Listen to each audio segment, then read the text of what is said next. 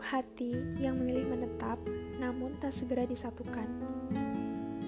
Untuk hati yang lebih memilih seseorang yang tak menganggap diri kita berarti.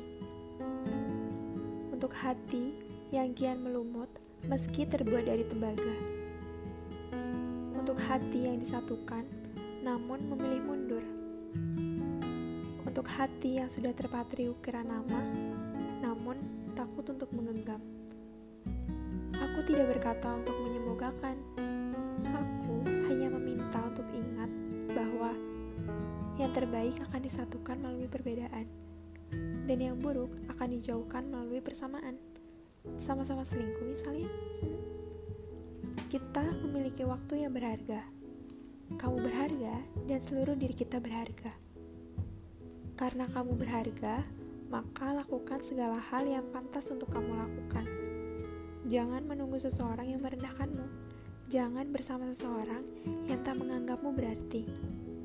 Jangan membuang waktumu untuk seseorang yang mengejar kebahagiaan lain. Karena ini hidup, maka harus ada timbal balik. Realitanya seperti itu. Jika kamu ingin bersamanya, pastikan kamu bahagia. Dan dia bahagia karena memilikimu. Ini kalimat sederhana. Orang bilang, bahagia adalah mengikhlaskan. Tapi apa salah jika aku sekarang dalam keikhlasan?